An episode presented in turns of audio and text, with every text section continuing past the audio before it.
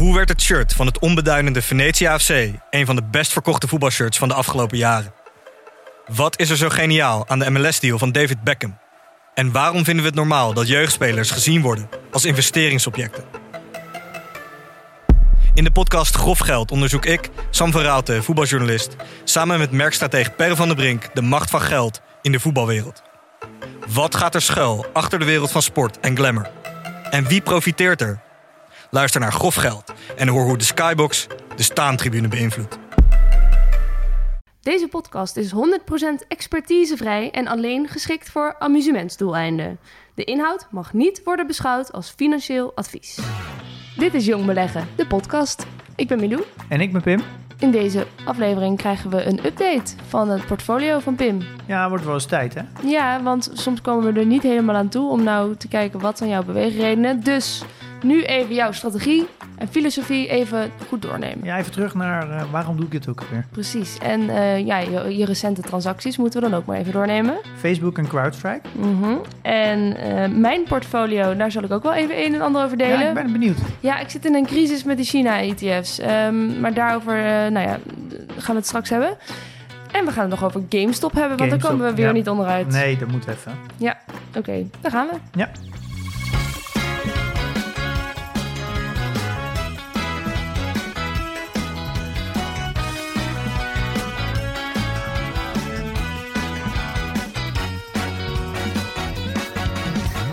Het was een hectische week, Pim. Ik ben verhuisd.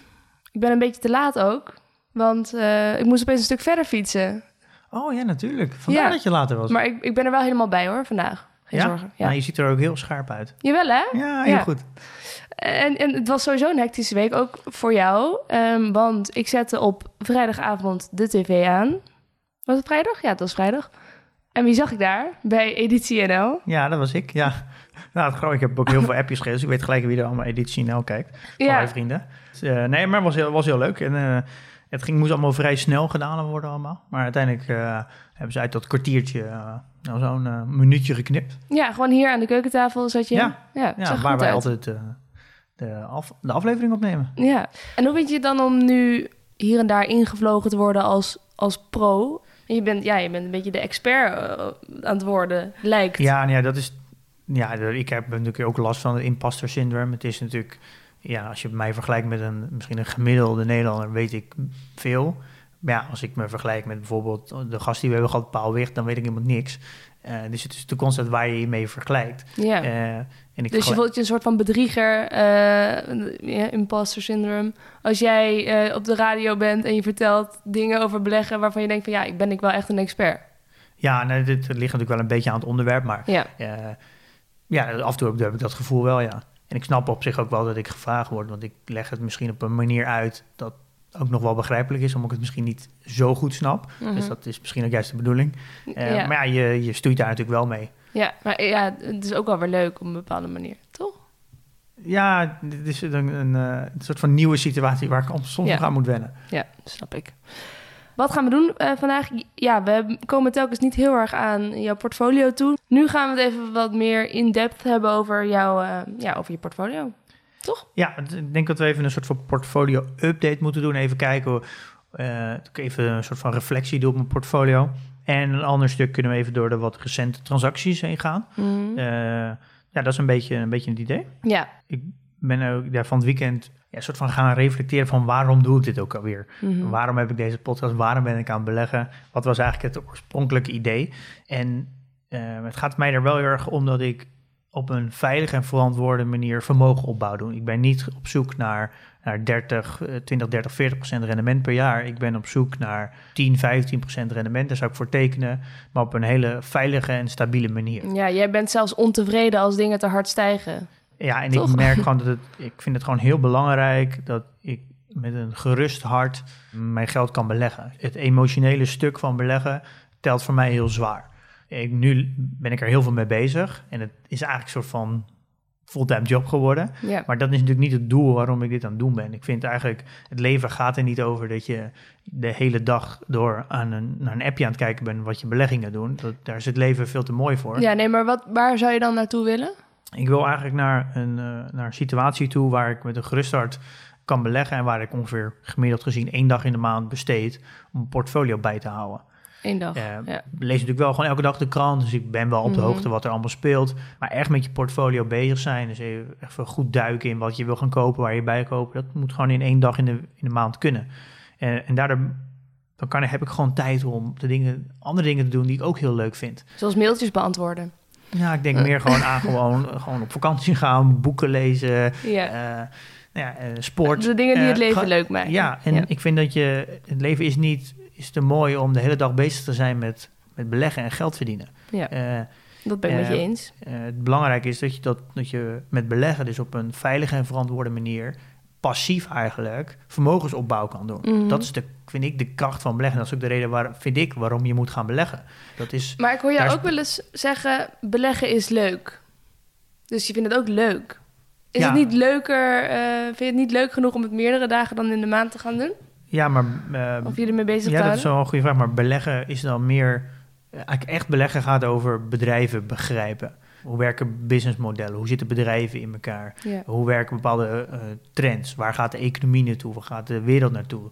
Dat is voor mij steeds meer beleggen. Ja. Wat daadwerkelijk het bedrijf doet op de beurs, is eigenlijk helemaal niet zo relevant. Ja, En dat is voor mij wel een heel, een heel groot verschil. En, ja, dit is wel echt voor dat is wel mijn basis. En Ja. dit is, daar bouw ik wel dus. me- dit is een beetje mijn filosofie, hoe ik naar beleggen kijk. En daar ga ik natuurlijk een, een strategie op bouwen. Vertaalt dat zich ook naar ja, wat je uiteindelijk veranderd hebt in je strategie de laatste tijd? Nou, Als je dat al echt veranderd hebt, hè? Want je bent misschien een beetje verschoven, maar nou, ik ben natuurlijk weer constant aan het bijschaven. En ja. Ik ben niet iemand die heel radicaal handelt. Zit schaven, zo een beetje met een kaasschaaf. Elke keer een Mm, plakje. jong kaasschaaf. Ja. Dus daar ben ik wel mee bezig. En ik, ik merk gewoon, ik voel gewoon heel erg bij welke aandelen ik me heel zenuwachtig word. En waar ik heel vaak naar kijk. En welke aandelen ik, ik eigenlijk gewoon me eigenlijk niet zo druk om maak. Waar word je zenuwachtig van?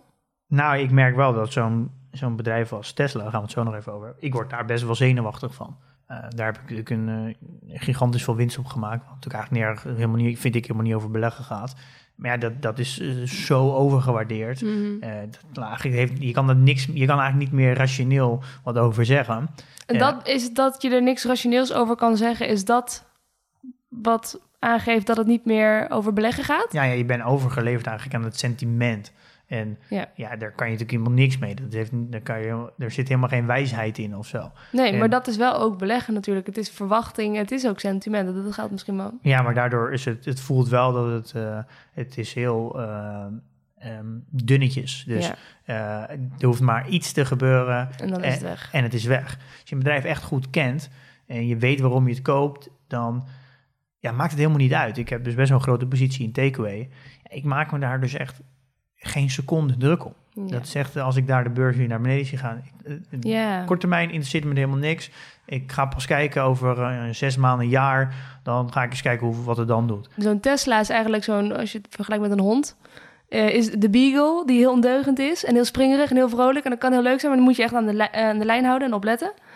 En zo'n ander bedrijf, wat jij een high conviction, dus Just Eat Takeaway, is dat dan denk dat ik is er jou? wel eentje die er wel bij dat is de golden retriever. Die kun je zo van de riem laten en vertrouwen van, eh, nou, dat komt wel goed. Ja, en die kan Die misschien wel eens weglopen, maar je weet toch dat hij weer terugkomt. Ja, precies. Eh, en dat heeft ook wel mee te maken dat je... Misschien heb ik... Ja, ik heb die high conviction rate gewoon in Tesla als bedrijf misschien wel, maar niet op deze waardering.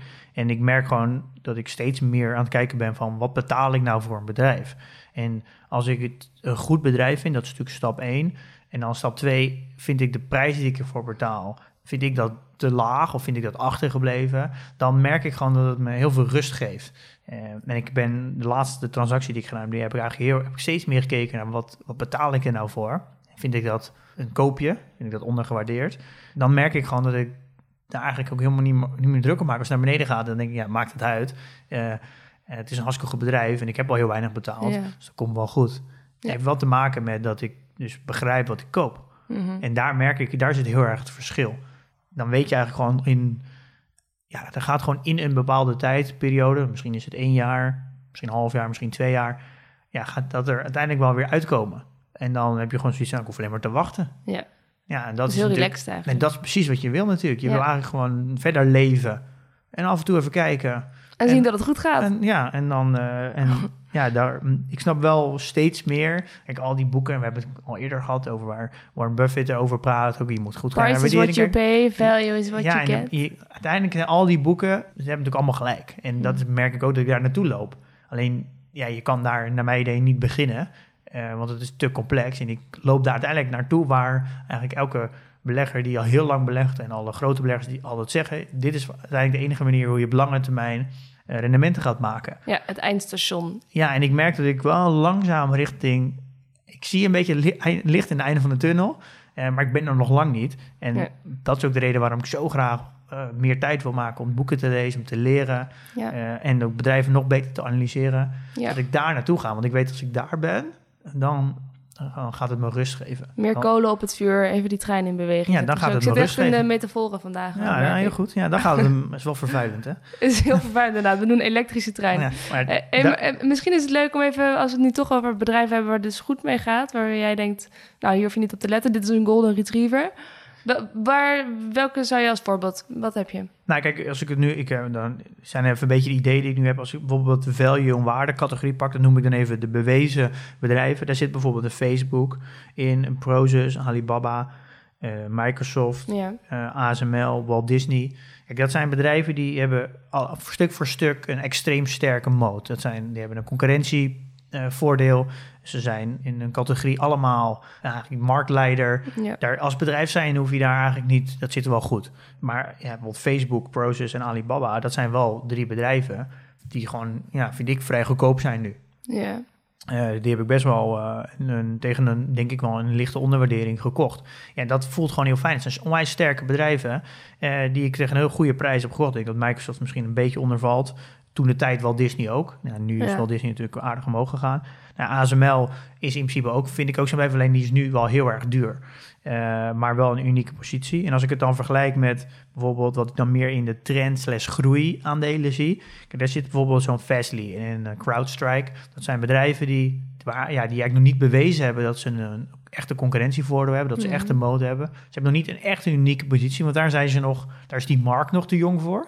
Maar daar zijn ze wel naartoe aan het gaan. Die posities die, die gaan nog veroverd worden. En daar, daar zitten veel meer bedrijven die volledig op de groei gaan en naar die positie gaan. ja, En dat vergt wel veel meer, meer aandacht. precies. Eh, vind ik ook heel leuk. ook, ja, precies. Maar die, daar, moet gewoon een, daar moet ik maar een aantal bedrijven van hebben, anders kan ik dat gewoon niet, niet bijbenen. Nee, Eh, dat is te veel werk. ik en ik, ja, daar valt misschien dan ook wel zo'n eh, zo'n Alphen onder en Just Eat Takeaway. Ja, Ik, en ja, Alphen is nu ook echt heel erg duur. Eh, is heel hard gegroeid. Kijk, en dan merk ik toch wel, dan weet je gewoon, het wordt heel dunnetjes. Zit je gewoon elk, elke keer, als er iets negatiefs komt, dan weet je gewoon, dan gaat het, dan gaat het gelijk fout. Eh, omdat het zo, eh, ja, een soort van, noemen ze price for perfection. Het is, dus als het maar, hoeft maar iets, iets tegen te zitten ja. en het, en het zakt. En dat blijft wel een leuke categorie, vind ik. Maar daar, ja, daar wil ik er minder in hebben. Is dat altijd zo met hoe duurder dus een aandeel is, hoe meer risico je hebt dat het heel erg op en neer gaat? Dat het Ja, nee, is? natuurlijk. Ja, want het, is het, hoe, eh, het komt er in wezen op neer bij aandelen die heel hard groeien. Dus hoe, hoe duurder het aandeel is versus de, de winst of de omzet die het maakt, hoe meer er eigenlijk al toekomstige winsten al ingeprijsd zitten. Dus hoe, langer, hoe, hoe meer je betaalt, hoe langer die eh, soort van de succes, succesrates moet zijn eh, de, ja, de komende jaren. En op zich is dat natuurlijk niet erg, maar ja, als, die, als die posities best groot worden in je portfolio, dan, dan wordt je portfolio natuurlijk heel erg bewegelijk. Ja, En dat wil je natuurlijk eh, heel erg voorkomen. ja, Dat, dat, dat zorgt weer juist hoe meer bewegelijker het wordt, hoe meer, hoe meer Het- risico je hebt. ja, maar ook hoe meer emotionele onrust het geeft. Ja, Eh, ja, zo, zo ben ik dat langzaam een beetje aan het indelen. Ja, en dan heb je natuurlijk ook nog de hele categorie eh dividendaandelen. Ja, daar, daar moet sowieso, dat heb ik al heel vaak gezegd, moet ik sowieso met de volledige kaas gaan doorheen gaan. ja.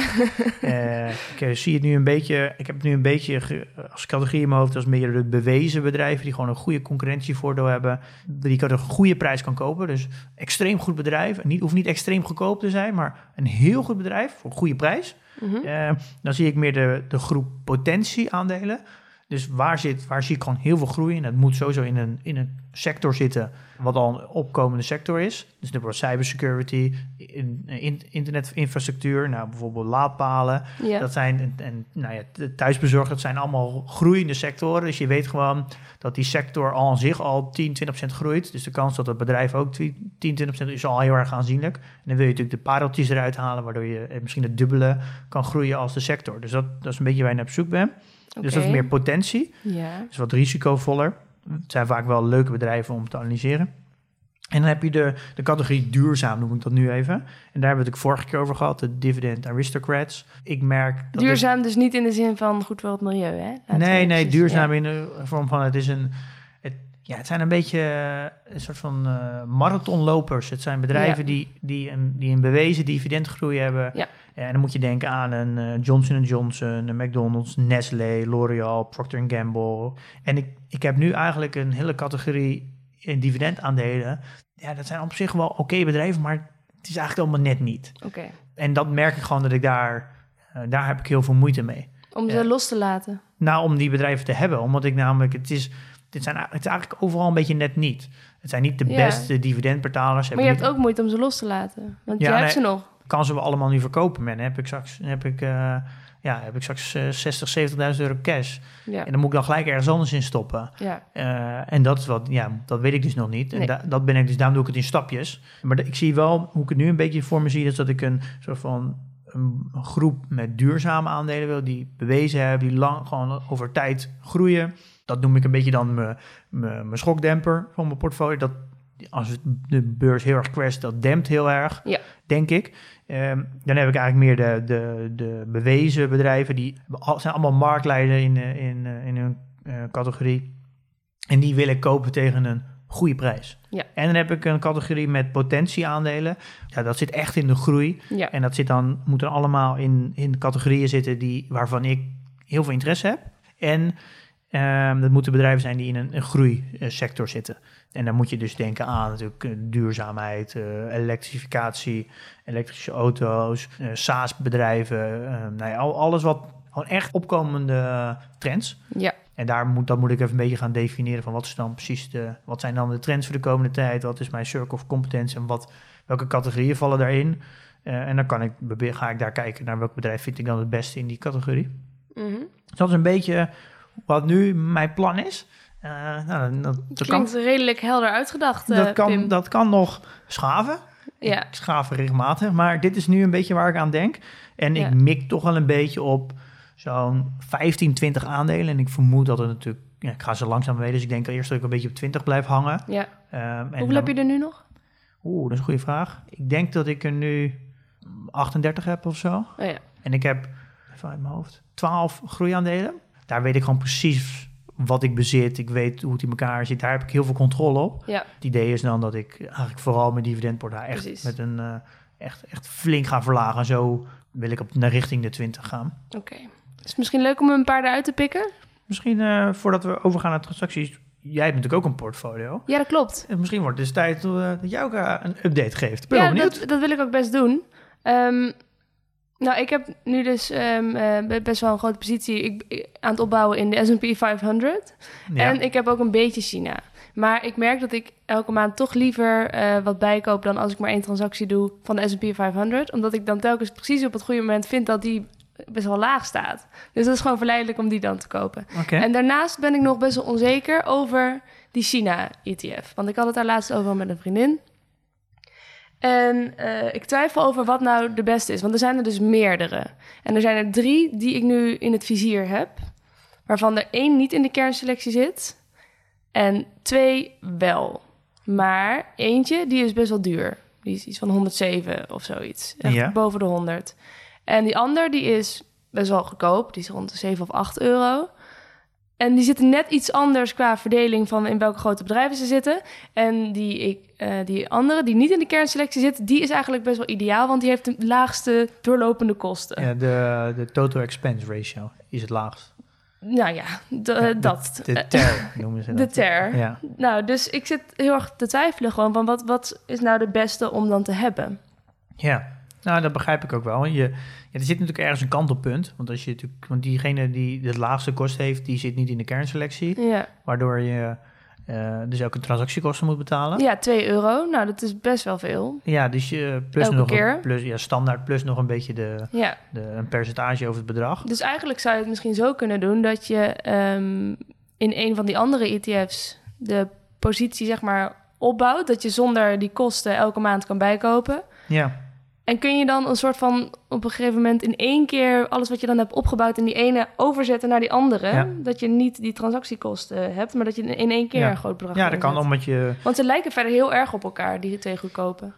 Ja, nee, dat kan je gewoon doen. Je kan natuurlijk gewoon een positie opbouwen in, eh, in een ETF die in de kernselectie zit. En betaal je dus elke maand geen transactiekosten. Eh, en op een gegeven moment, nou, ik vind het nu, bijvoorbeeld dat kan je per elk jaar doen. Doe je elke januari, koop je in één keer die positie uit de kernselectie. Je kan ook gratis verkopen. En dan heuvel je dat over naar een, de ETF die, eh, die niet in de kernselectie zit, waar je transactiekosten voor betaalt. Maar omdat de, de total expense ratio eh, 0,2 lager is, eh, is dat op lange termijn voordeliger. En dan koop je dat één keer per jaar dan van dat aandeel. Ja. Eh, dus dan pak je eigenlijk, ja, dan heb je een voordeel van 0,2 elk jaar. Ja. En maar dan betaal je dan eenmalig transactiekosten. Maar omdat Ja. je het in één keer koopt, in één keer veel, is het relatief weer weinig de transactiekosten. Precies. Dus dat kan je dan één keer per jaar doen. Ja, dus dat Ik denk- vond ik eigenlijk wel. Dat, ik denk dat ik dat ga doen. En ik zal even voorlezen welke dat dan is, welke ik dan eh, wil. Want ik krijg daar vaak vragen over. Mensen zijn heel geïnteresseerd in Ja, mijn misschien ook even in, de show notes. Moet je even sturen straks. Ja. Oké, dat is de HSBC MSCI China. Die heb je nu? Nee, die heb ik niet. Die ga ik eh, in opbouwen. Daar ga je nu in opbouwen. Ja. En dat is uit de kernselectie. Precies. Ja? En dan moet ik nog even dus nadenken over hoe, wanneer ga ik nou dat dan kopen? Ja, en wat is je verdeling? Hoeveel procent Wat ga je in de S&P doen? En hoeveel procent van je portefeuille ga je in de eh, China-ETF Ja. doen? Nou, ik vind het wat veiliger met de S&P 500. Ja. Eh, dus ik wil sowieso een substantieel... De, ik, zit zelf te denken aan een verdeling van 70, 30. Oké. Nou, dat is, en hoeveel heb je nu belegd? Eh, hoeveel geld? Ja. In totaal? Ja. 4.485 euro. Oké. Nou, leuk. Dankjewel voor de update. Ehm, Graag gedaan. Ehm, waar gaan we nu naartoe? Jij wil ook nog even iets vertellen nu over jouw transacties. ja, we moeten nog even wat inhalen. Ik wil eigenlijk een, paar uitlichten. Ik heb vorige keer verteld dat ik Tesla heb verkocht. Mhm. Zelfs het allerbeste bedrijf, het allermooiste dingen, kan een keer te duur worden. En ja, dat is eigenlijk de reden waarom ik het verkocht heb. En ik denk ook wel dat het zeker nog wel even door kan stijgen. Mhm. Eh, ik zie eigenlijk geen reden om waar dat het niet gebeurt. Alleen, ja, ik, ben, ik zit er ook weer niet in om... Ik hoef niet per se soort van op de piek te verkopen. Eh, vind, dat vind ik helemaal niet erg. En ik dus bij, was bij FAR het meest duurde, duurste aandeel in mijn portefeuille. Eh, dus ik heb eigenlijk gewoon het aandeel verkocht. ja. volledig gesloten. En ik heb het geld verdeeld over eigenlijk heel veel bestaande aandelen. En daar heb ik veel meer gekeken naar waardering. En geeft dat je dan rust? Ja, dat geeft me heel veel rust. Ja, dat geeft me een goed gevoel. En Ja. Tesla is nog steeds een heel goed bedrijf. En het staat ook op mijn watchlist. Dus als er een keer een correctie komt, eh, Dan eh, sluit ik niet uit dat ik Tesla weer koop. Maar ja, kijk, uiteindelijk heeft alles een prijs. En soms is dingen gewoon, zijn gewoon te duur. Maar normaal vind je iets pas te duur worden als je het moet gaan kopen. Maar jij hebt het al. Maar zelfs om het te hebben vind je het dan dus te duur. Ja, omdat namelijk, eh, kijk, als, het, als de prijs harder stijgt dan het bedrijf omzet en winst maakt, dan, wordt het el- dan komt er eigenlijk een soort van elke keer een jaar bij dat het, de, dat is ingeprijsd. Ja. Dus tegen de waardering wat Tesla nu, wat je er nu voor betaalt, kan je eigenlijk wel zeggen eh, dat Tesla misschien nog wel vijf jaar of zes, zeven jaar eh, deze groei moet doorzetten om dit te kunnen rechtvaardigen. ja, Dus dan mag, je, mag ik in die, in die komende jaren, mag eigenlijk niks fout gaan. precies. Eh, Want dan is het weg. Ja, want dan, ja, dan zakt die prijs. ja, dan zakt die prijs. En dus eigenlijk elke keer als de winst achterblijft, maar de koers gaat wel door, dan komt er eigenlijk een soort van jaren bij. Ja. Eh, en dat, dat vergroot dus extreem het risico. Je maakt de periode gewoon steeds langer. En Ja, ja, daar kan in, in vijf, zes, zeven jaar kan er extreem veel gebeuren. ja, En waarom zou ik daarin gaan zitten en daaraan meedoen als er heel veel andere bedrijven zijn die eigenlijk gewoon veel goedkoper zijn, waar de winst bijvoorbeeld maar voor één of twee jaar is ingeprijsd. ja. Eh, dan is natuurlijk het risico veel kleiner. Dus dat is eigenlijk de, waarom ik dat gedaan heb. Oké.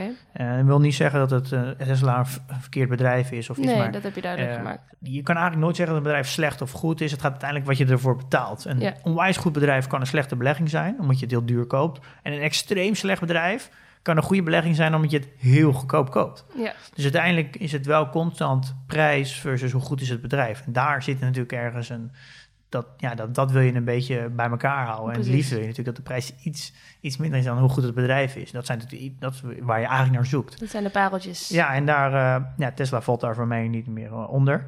En ik heb natuurlijk het geld gestopt in eh, CrowdStrike, Ja, CrowdStrike, dat Walt is Disney, nieuw voor mij. Prosus, Alibaba, Facebook en Microsoft. Eh, omdat het was best wel een grote positie, was iets van 10.000 euro. En ik heb het eigenlijk een beetje verdeeld, omdat ik niet echt één aandeel in één keer 10.000 euro in wil stoppen. Dus ik bouw eigenlijk over tijd altijd posities op. Ehm, dat ik ook wat meer volg en dat ik eh, niet in één keer erin zit op een bepaalde timing. Om een beetje het timingseffect weg te halen. Eh, en ik heb wel het grootste gedeelte van, van de Tesla-positie, denk ik ongeveer zo'n 30, 40 procent, heb ik gestopt in Facebook. En dat, daar wil ik nu even... eh, Oké, wat komen we straks naar CrowdStrike. gaan we straks naar CrowdStrike. Ja, is goed. Facebook? Ja, Facebook is heeft ook recent eh, cijfers gerapporteerd. Ze hebben een omzetgroei van 33% Nou, dat is voor een, Wow. dat, dat, dat is echt, echt heel veel. Voor Ja. een bedrijf dat al zo groot is. En zo lang bestaat. Eh ja. 33% groei, dat zijn gewoon echt cijfers die je normaal verwacht van een echt gewoon een groeibedrijf. Hoe dan? Ja, dit is, dit is denk ik wel uitzonderlijk. Afgelopen kwartaal, natuurlijk met de verkiezingen, iedereen in een lockdown. En, nou, ik denk dat, dat dit is niet iets wat ze natuurlijk vast gaan houden. Ik denk dat het eh, gemiddeld volgend jaar op zo'n, eh, of dit jaar dan, zo'n 20%, 25% gaat uitkomen. Maar dat is nog steeds natuurlijk flink. En eerst te zeggen, Facebook is natuurlijk, het sentiment om Facebook is slecht. Ik denk dat ik nog nooit iemand heb gehoord, nou, Facebook, dat vind ik toch eens een fijn bedrijf. nou, dat, als je vergelijkt met Tesla of een Apple, ja, dat zijn bedrijven waar mensen eh, eh, met trots vertellen dat, hoe mooi dat bedrijf is. Daar, Steve word- Jobs, de daar word je- Messias. daar word je fan van, maar Ja. Facebook natuurlijk niet. En dat, dus het sentiment op Facebook is heel, heel slecht. Is het ook daarom ondergewaardeerd, denk je? Er zit al, ja, sentiment heeft er zeker wel mee te maken. En ik denk dat dit ook de reden waarom Facebook relatief achterblijft bij, eh, Ja. bij alle andere bedrijven. Maar gewoon ik. omdat je denkt, nou, ik wil zelf niet meer op Facebook zitten. Dus ik denk, er zit niet echt toekomst in. Dus dan zal het bedrijf ook wel niet zoveel meer kunnen groeien. Dat ja, nou, dat, ik, ik merk wel dat, dat dat zit er zeker in. Ik had dat zelf ook heel erg als soms nu nog weer. Bijvoorbeeld, ik had het wel eens eerder verteld bij Basic Fit. Ik vind dat eigenlijk een verschrikkelijke sportketen. En daardoor eh, had ik, heb, heb ik een hele negatieve associatie met Basic Fit. Ja. Maar je moet heel erg de, je, je blik als consument moet je eh, ook een beetje loszien van hoe het bedrijf is. Maar het is qua ook de reclame die ze maken, het, het, geeft mij geen goed gevoel. Maar, Maar heeft het niet ook een beetje te maken met hoe je wil dat de wereld eruit ziet? Want nu klinkt het alsof je alleen er dus in zit voor het geld. Ehm, je, je kan ook kijken van, nou, dit is de wereld die ik om mij heen wil zien. Daarin is geen plek voor Facebook. Dus nou ja, dat- daar hou ik niet van. Basic Fit, ik word gek van die irritante reclames. Dus daar wil ik niet naar kijken. Eh, ik wil misschien investeren in iets groens. Want daar, weet je wel, dat je zo je laat spreken en invloed uitoefent. Ja, op nou ik vind dat, manier. snap dat wel. En dat is natuurlijk heel ideologisch wat je nu zegt. Ja, Maar dat is het ook. Eh, ja, uiteindelijk gaat het wel om. Ik beleggen moet je ook met, niet met te veel emotie doen. Die men, primair is dat je eh, vermogens behouden wil doen, vermogensgroei wil doen. Ja, Dat is wel primair. En je moet ook spreiden. Eh, ze zeggen- jou is het Ze zeggen dat is, eh, dat is de enige gratis lunch die je krijgt, spreiding. Maar op een bepaalde manier ja, is dat misschien wel op een gegeven moment iets waar je een soort van gewetensvroeging... Maar mensen, het gebeurt in ieder geval wel dat mensen ideologisch beleggen. Zeg jij dat is gewoon, eigenlijk, dat moet je gewoon niet doen, dat moet je... ja, je Nee, moet- nee, dat, dat is iedereen, dat moet iedereen zelf weten. Ik ga daar niet zeggen dat iemand het niet moet Nee, oké, alleen jij doet het niet. Ja, maar ik vind er zijn, je hebt daar heel erg gradaties in. Kijk, je kan, eh, je, je kan ook beleggen in wapens. Nou ja, dat, ik vind dat namelijk echt Dat, dat weer te ver gaan. Nou ja, nee, ook niet zozeer. Ik ben daar niet zozeer om te oordelen. Ik vind, eh, ik vind heel erg dat, ja, Facebook kan je daar misschien als bedrijf niet fijn vinden. Maar ja, het is, ja, je kan daar heel veel discussie over of het nou goed is voor de wereld of niet. Maar dan kan je dat met elk bedrijf hebben. Nee, dat klopt. Dan kan je het ook met Coca-Cola ook ik, hebben. Ik wil- ben gewoon benieuwd En hoe jij daarin en- staat. En dat jij vindt dat dit, dat moet je gewoon helemaal los zien. Nou, ik vind, ja, dat vind ik wel. Ja. Nee, en dat is natuurlijk met dat, maar je kan met elk bedrijf, elk groot bedrijf, kan je iets vinden. Ja. Of het nou kledingmerk is, dan vind je wel iets dat er iets in Bang- Bangladesh gebeurt. Coca-Cola maken mensen dik, McDonald's maken dik. Maken Er is altijd wel, Ja. wel iets te bedenken bij een bedrijf eh, wat schadelijk is voor, eh, voor een grote groep mensen. Dat, dat is niet mijn positie om dat te oordelen. Daar Nee. hebben we wet en regelgeving, we hebben een democratie. Daar bepalen we met z'n allen wat, wat de wet is en wat goed en slecht is.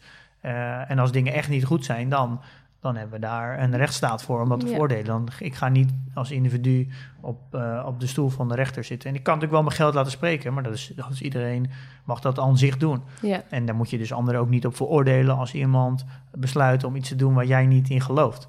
Nee, Eh, nee. maar dat is ook weer iets anders, vind ik. Ik veroordeel jou niet. Ik was Nee. gewoon benieuwd naar hoe jij het ziet. Ja, maar dus ik heb daar geen moeite. Ik vind Facebook Ja. zelf eh, een, ja, onzich. Het is een beetje tweedeling met Facebook. Ik zit natuurlijk ook op WhatsApp. Op, eh, WhatsApp. Nou, dat is van, ik kan ook zeggen, ja, ik vind dat wel. En het is een extreem fijn product. Het zorgt Ja. ervoor dat ik wel met, met iedereen in contact blijf. Het werkt altijd. Het is snel, stabiel. Het zorgt, dat is Ja, gewoon mijn contact met mijn vrienden en familie. En daar, ja, dat is, het is wel een extreem goed product. Ja, En ook met Instagram, ja, het is, mag ook wel eens gezegd. Is Instagram de- is ook leuk. het is een manier hoe ik eh, ook weer makkelijk nu met jong beleggen communiceer naar anderen. Kan daar eh, de nieuwe uitzendingen op laten Ja. zien. Het, ja, het heeft ook heel veel mooie dingen. Weet je hoeveel bedrijven nu, ook door de lockdown, eigenlijk de enige inkomstenbron is je profileren via de socials en daardoor mensen naar je website krijgen. Alles heeft twee kanten. Ja. ja, Ja. goed punt. Facebook bedankt. Dat is Ja. bij deze gezegd. Dat is misschien privé, is het misschien niet zo'n heel goed bedrijf, maar aan de kant, eh, daar gaat het nu niet over. Nee. Ehm, eh, de netto winst, eh, die was eh 11,2 miljard. Ja, met, en het was 7,4 ervoor, ja, voor, maar 11,2 miljard Ja. in een kwartaal. Dat is echt, echt, eh, echt heel veel. Maar nu ga ik ook even iets naar de fundamentals gaan. Daar hebben we dus een eh, winst in 2020 van 29,1 miljard. Een winst, hè? Winst van 9. Ja. Dat, ja, dat is echt heel veel. ja. Eh, en een, vrije, een vrije kaststroom van 23 miljard per jaar. Dus ze hebben gewoon 23 miljard per jaar gewoon vrij te besteden. Daar is nog geen bestemming voor. En de totale cash in het bedrijf is 62 miljard. Eh nou, dat is echt heel veel. ja. Eh, ik weet niet wat ze daar... Ze kunnen daar natuurlijk heel veel dingen mee kunnen doen. een enorm bedrijf ook natuurlijk. Ja, ze kunnen natuurlijk eigenlijk niks meer kopen. Want alles wat ze kopen, daar gaat gaan regulering overheen. Dus elke koop Oh die ze willen doen, die gaat nooit goedgekeurd worden. Gaat ja. gewoon niet meer goedgekeurd worden. Dus wat kunnen ze met het geld doen? Het zijn twee dingen. Mark Zuckerberg. Ze Even. kunnen daar een dividend van uitbetalen. Oké. Gaan ze voorlopig nog niet doen. Nee. Wat gaan ze dan doen? In het bedrijf steken. Aandelen in terugkopen. Dus Oh. er gaat op een gegeven moment een aandelen terugkoopprogramma komen van bij Apple. Of sorry, bij Facebook. Eh, dus die 62 miljard die gaat natuurlijk wel een keer benut worden. De totale waarde van Facebook is nu 760 miljard. De Mhm. market cap. Halen we daar even WhatsApp vanaf. We gaan ervan uit dat ze nog geen geld verdienen met WhatsApp. WhatsApp hebben ze betaald 19 miljard voor betaald eh, in 2014. Het is vier keer gegroeid qua gebruikers. Gaan we er even vanuit dat die 19 miljard dus nu keer 4 geworden is. Dat, dat is eh, 76 miljard. Dan ga ik even vanuit dat je dus dat, ze, dat je nu evenveel betaalt voor een user als toen de tijd. Nou, die zijn sowieso natuurlijk omhoog. Dus als ze, ze verdienen nu geen geld met WhatsApp. En als ze WhatsApp daardoor verkopen nu, dan zouden ze daar even 76 miljard voor krijgen. Ja. Ik denk natuurlijk wel meer, maar gaan we, laten we het conservatief doen. Mhm. Dan hebben we de cashpositie hier van 62 miljard. Dan heb je, kom je totaal uit, als je dat de 76 plus 62 miljard van de market cap afhaalt, dan kom je uit op 622 miljard. Dat zie ik nu even als de waarde van Instagram en Facebook bij elkaar. Ja. Ehm, dus als je 622 miljard deelt door 29,1 miljard, dat is de winst van vorig jaar, Mhm. dan kom je op een koers-winstverhouding uit van 21. En daar zit ook dus ook nog eens in dat er een, verwacht ik dat de komende jaren een groei is wel van minimaal 20%. Een bedrijf met een koers-winstverhouding van 21, waar een groei in van 20%, dat is echt, eh, dat, dat is echt goedkoop. Dan heb ik het nog niet eens over dat ze ook nog best wel veel geld steken in de AR en VR producten.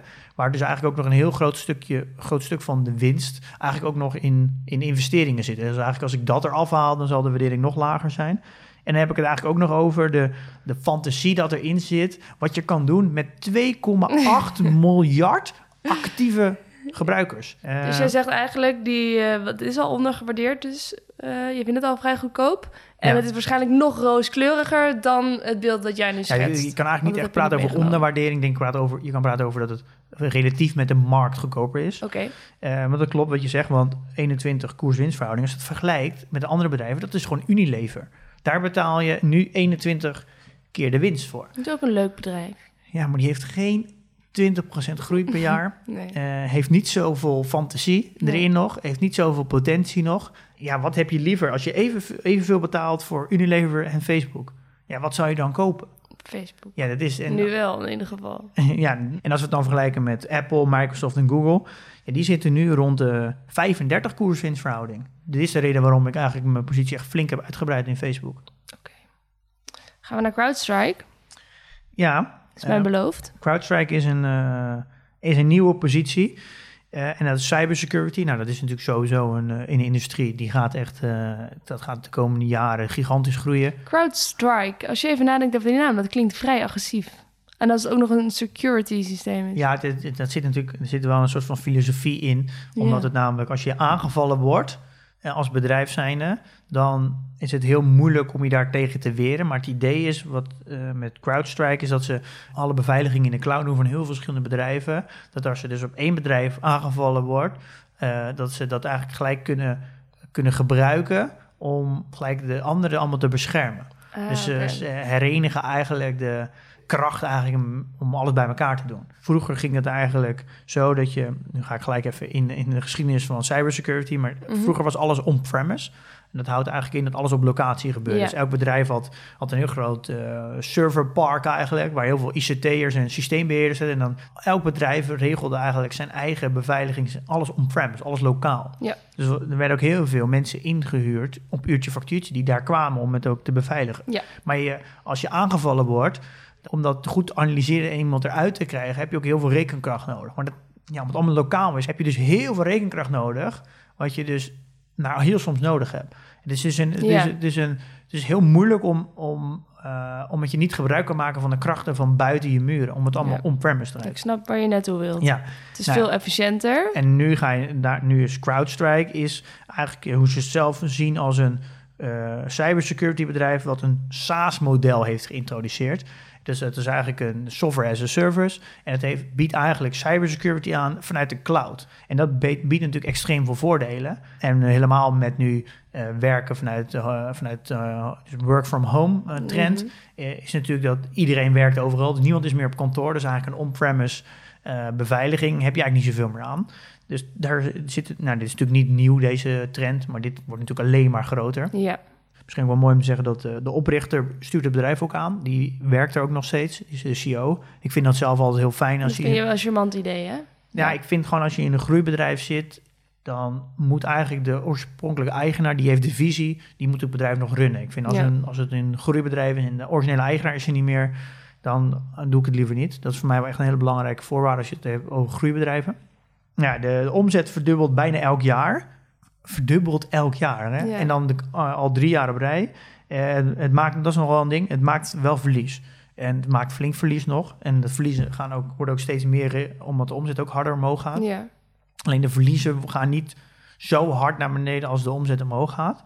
Eh, maar het zit er wel echt, eh, het is echt een bedrijf wat gewoon volledig inzet op groei. ja. Ehm, Dus dat vind je niet zo heel erg dan, toch? nou, dat vind ik niet heel erg, maar dat is wel iets om in de gaten te houden. Ja. Eh, want als die groei achterblijft, eh, ja, dan, gaat, dan wordt het natuurlijk steeds pijnlijker als je verliest nog verdubbelt het. Ook, dus ja. je, dit is wel iets wat de komende tijd natuurlijk, eh, wat je in de gaten moet houden, dat het op een gegeven moment wel eh, die verliezen natuurlijk relatief niet zo hard laten stijgen. Ja. Maar ze hebben wel een, een goede vrije, een, eh, een goede operationele cashflow. Dus het zijn wel bewuste, eh, bewuste verliezen. Bewuste verliezen. Eh, En dat is wel goed om te zeggen, er zijn 40 bedrijven van de wereld, er is een soort van top 100 aan wereldwijde bedrijven.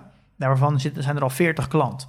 Eh, er zijn 11 van de 20 grootste banken ter wereld, die zijn al klant. Nou, dan kan je wel zeggen dat als de 11 grote banken van de 20 in de wereld eh, een, al klant zijn en die laten dus eigenlijk de cybersecurity regelen door CrowdStrike. Dat zegt wel wat als banken dat zomaar doen. Die, die kiezen niet zomaar even een bedrijfje. Ja.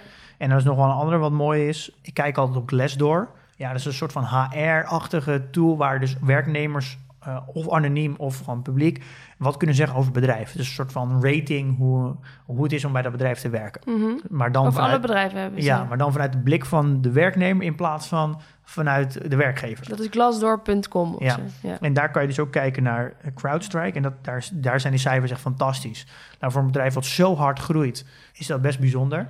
Eh, en de, eigenlijk alle reviews zeggen vooral dat het werknemers zeggen dat het een fantastisch product is. Ja, dat is eigenlijk ja, diegenen die weten het echt. ja. Eh, dus dat is ook wel heel positief. Ik denk dat het potentie heeft om de grootste security bedrijf in de wereld te worden. Dus daar ben je blij mee. Nou, interessant. Dat is hier van mijn, eh, ja, mijn kijk erop. We gaan naar de portfolio dividend tracker update. Ehm, heb je nog wat nieuws te vertellen, Pim? Nou, ik, de- deze week eigenlijk niet zozeer iets nieuws. We zijn de afgelopen tijd best wel veel dingetjes begonnen. We zijn nog steeds bezig met die data. En het eigenlijk elke week een podcast en een update gaat eigenlijk een beetje te snel voor nu. We zijn nog echt het fundament aan het bouwen. Eh, en daar zijn we gewoon nog lekker mee bezig. Dus deze week eh, niet echt een hele concrete update. Oké. Eh, het bouwt zich eigenlijk allemaal een beetje op.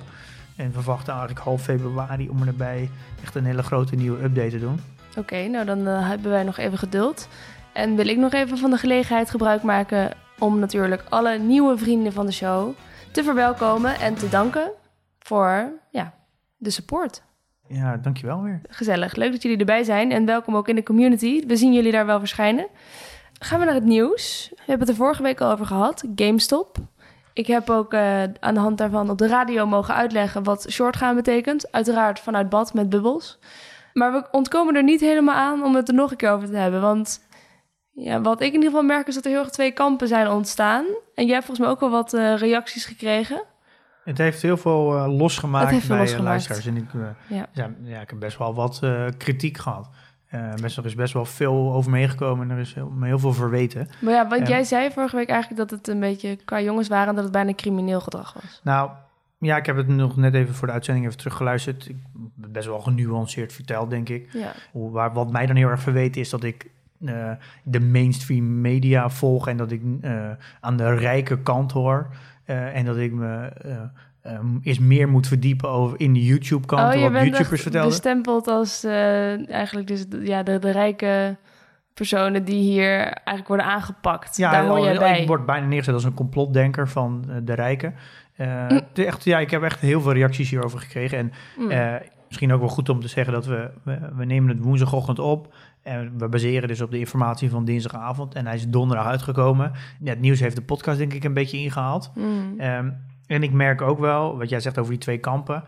I- Kijk, in principe komt het wel op neer. Ik snap wel erg de, de emotie die in het verhaal zit. ja. En, ehm, maar ik, ik heb nog even het, eh, het stukje marktmanipulatie bijgehaald van het A, de AFM.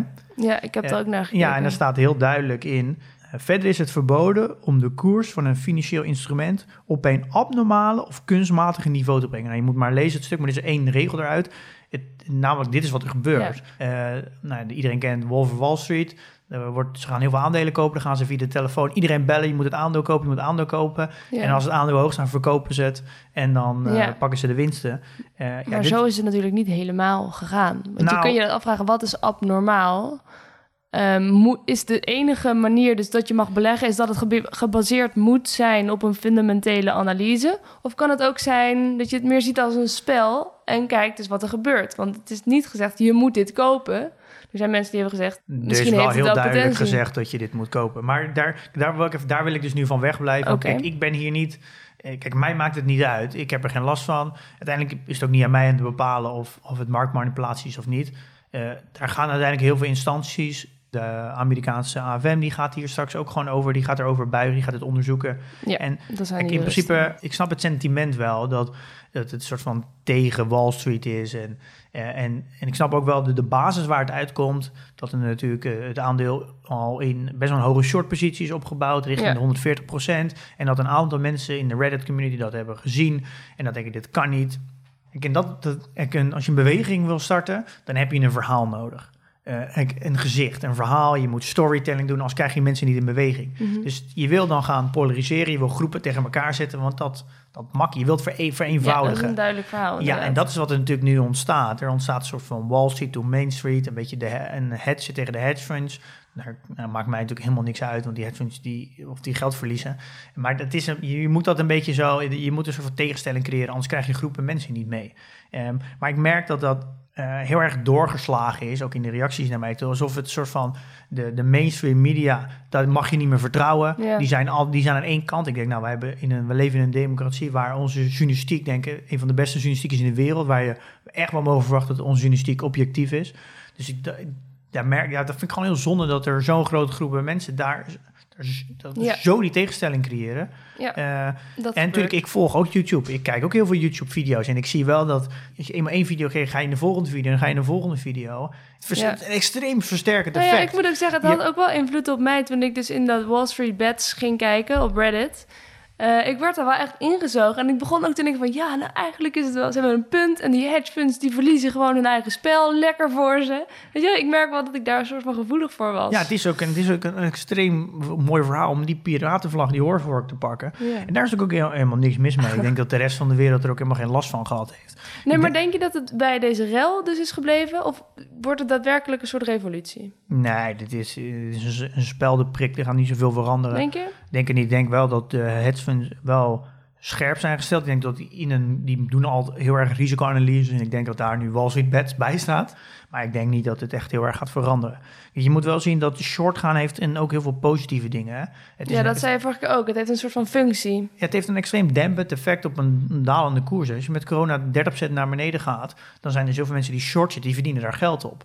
En die Ja. gaan dus op een gegeven moment die winsten realiseren door aandelen te kopen. Want dan verzilver je je, je winst in short. Ja. En dat zorgt voor een dempend Koers. effect. Ja, je, dat is een dalvorming. Dus dat heeft een positief effect. Ze doen extreem veel research. Want je kan extreem veel verliezen, maar je kan relatief weinig winnen. Ja. Dus daardoor zijn de researchers goed. Ze brengen eigenlijk altijd fraude aan het licht. Ze zijn een soort van zuiverend effect in be- bedrijven. Die blijven scherp. Ehm, dus het heeft ook... Het heeft ook heel veel eh, Ja. mooie dingen. En er zijn ook heel veel pensioenfondsen die maken dus gebruik van hedge funds om ook dat soort van ja, risico indekken. Want ja, als je ook short kan gaan, dan, heb, dan dek je je gewoon veel meer in. Dat je Ja. je portfolio veel meer soort van neutraliseert. Het heeft een positief effect. Precies. Dus het ligt uiteindelijk, zoals altijd, een stuk genuanceerder. Ja, en, er- en er zit wel echt, er zit, wat ik gewoon, waar heel veel moeite mee heb, is dat er gaan dus heel veel mensen nu beleggen.